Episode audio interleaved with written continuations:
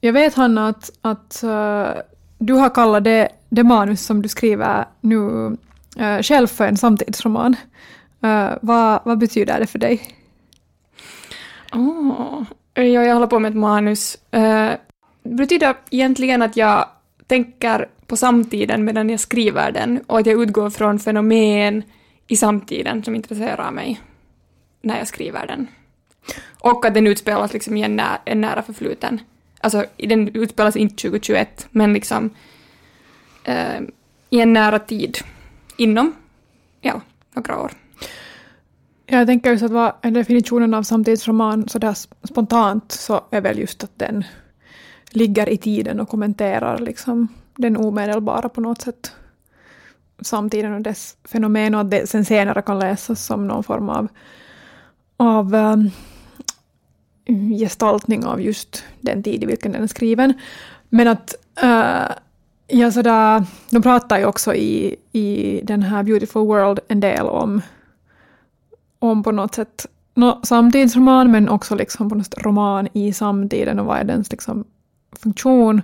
Och lite så det blir ju också en, en metadiskussion som Sally Rooney kanske för med, med läsarna och, och den här Alice i, i den här Rooneys bok som är författare så ifrågasätter hela det här på något sätt konceptet och, och hon liksom tror inte på den moderna romanen uh, och att liksom på något sätt världen brinner upp omkring oss och vi står inför en på något sätt total kollaps. Och, och att varför ska hon då på något sätt skriva om så här vänskap och kärlek? Ja. Men att sen samtidigt så avslutar hon liksom ett brev med att, att liksom på något sätt säga att här skriver jag ännu ett brev om sex och vänskap och att what else is there to live for?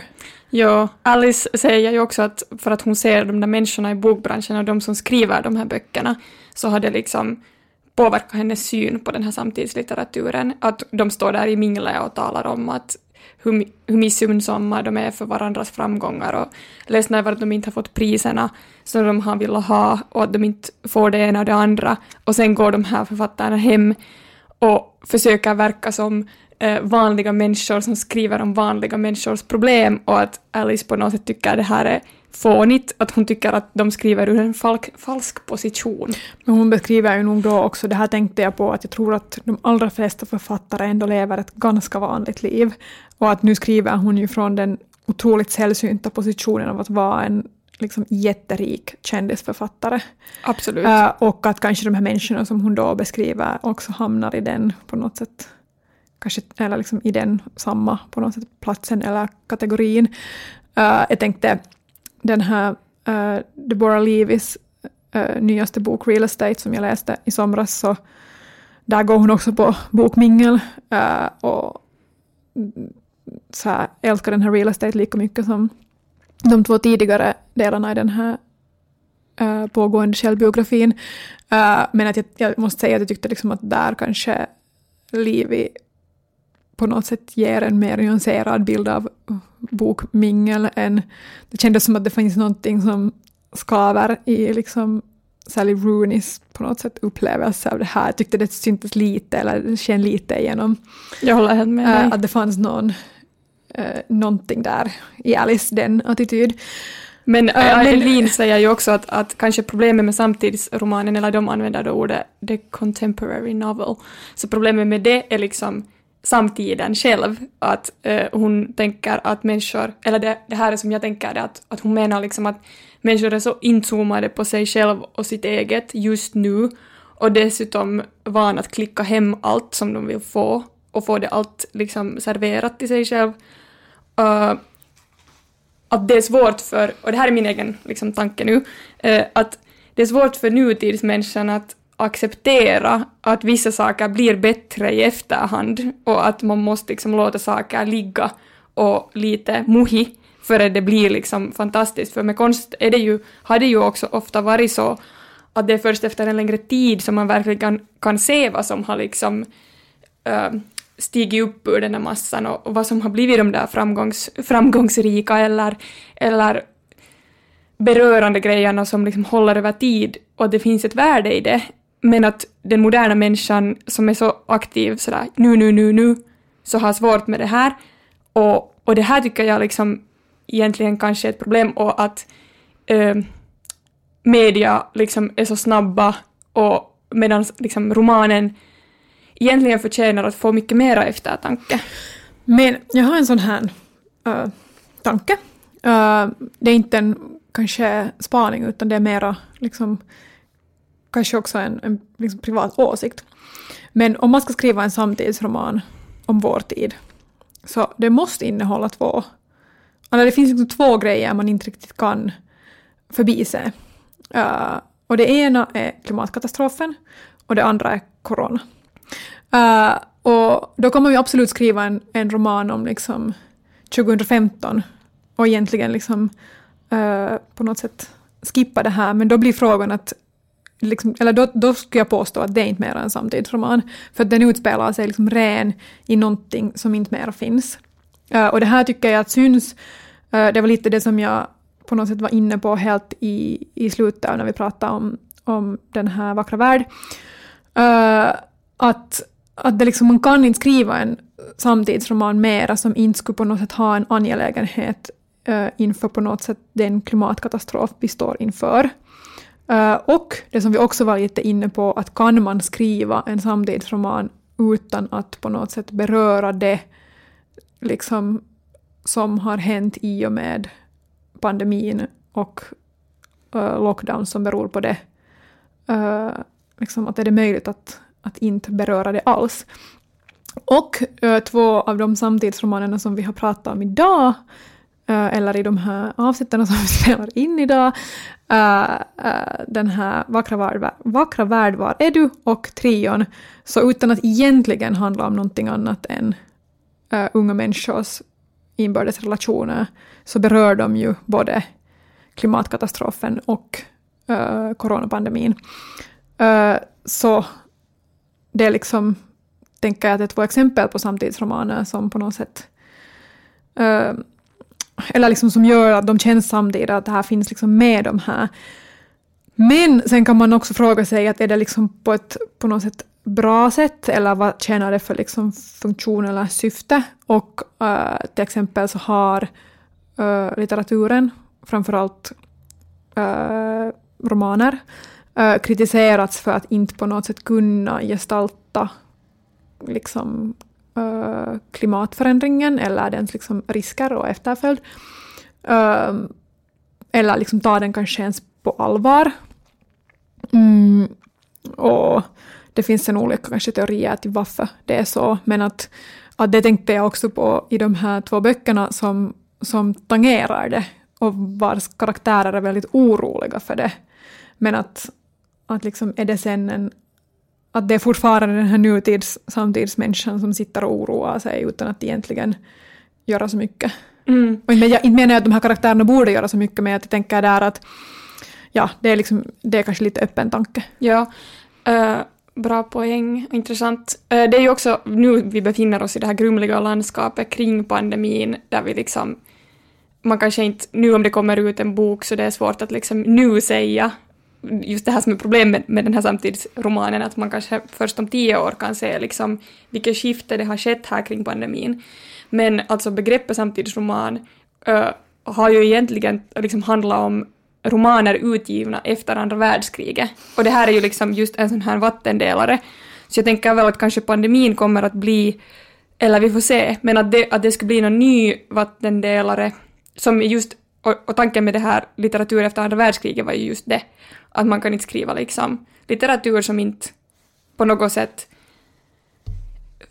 har, har någon sorts medvetenhet om andra världskriget. Och det här tänker jag också kanske att, att just med pandemin och li, skriva litteratur och, uh, och miljökatastrofen, att man kan ju göra vad som helst, men kanske att, att den där medvetenheten om dem, så det, det är kanske det som också Alice menar när hon säger att man kan inte prata ur en falsk position.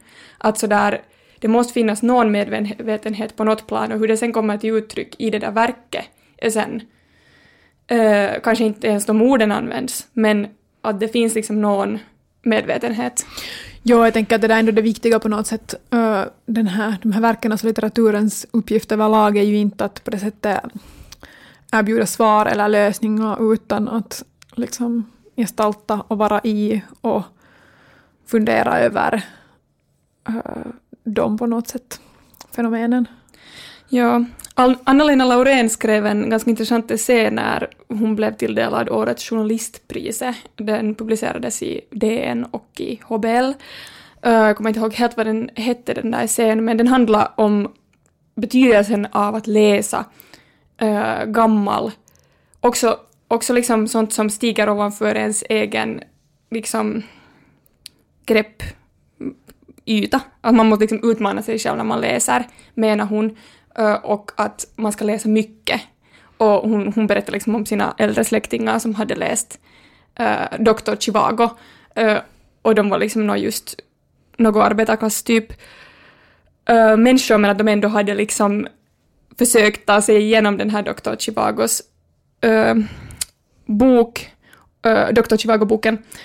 Och det, jag har tänkt mycket på det här liksom att, att såklart hon har rätt 100 procent och det människors läsförståelse ökar och ordförråd ökar och, och empatin ökar.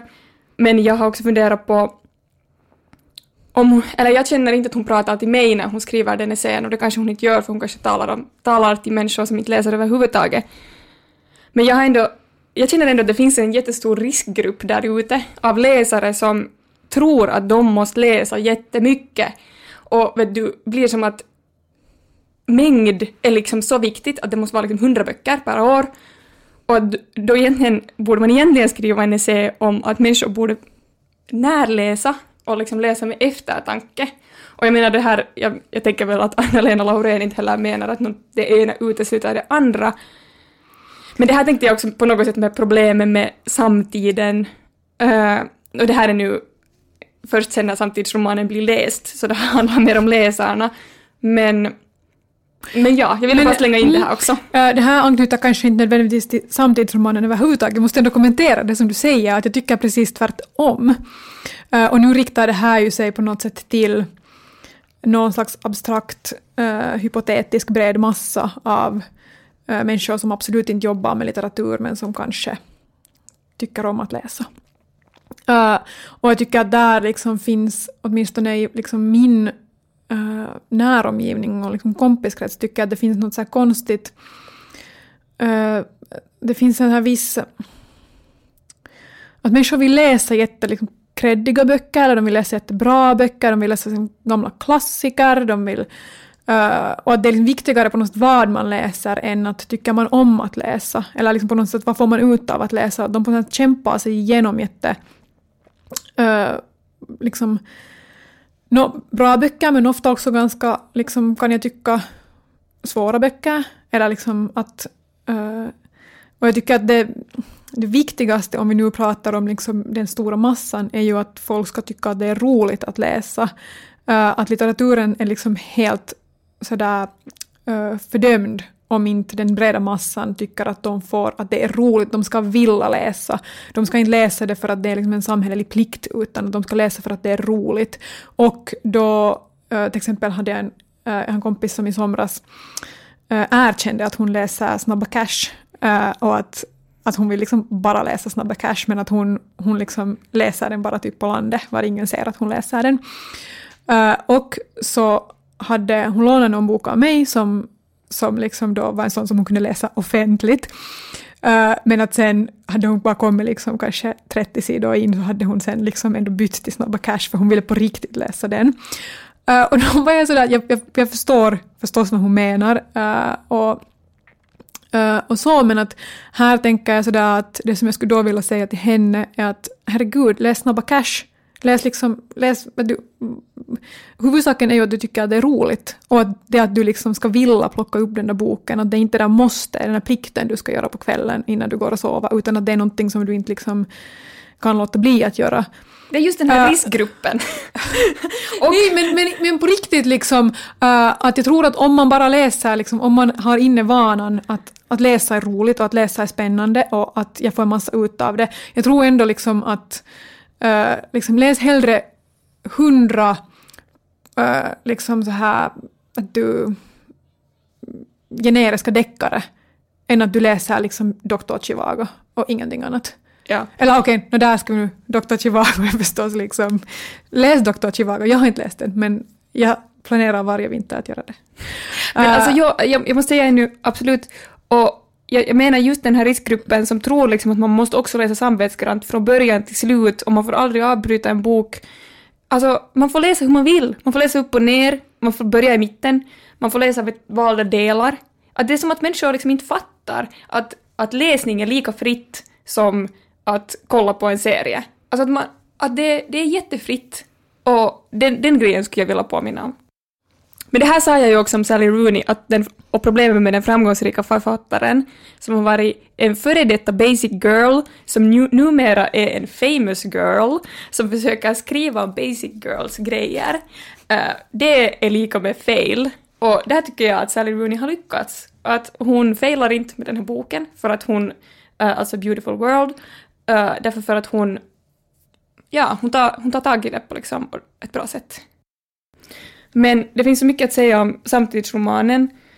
Uh, och, och jag vet inte hur vi ska avsluta det här, men, men i den här Just Beautiful World-boken så det är en, ett försvar av samtidsromanen, den här romanen på sätt och vis, för att den, den kommer fram till just det att just att människor är galna i varandra, människor har galna relationer och att det, liksom, det finns ett så starkt intresse för, för den grejen.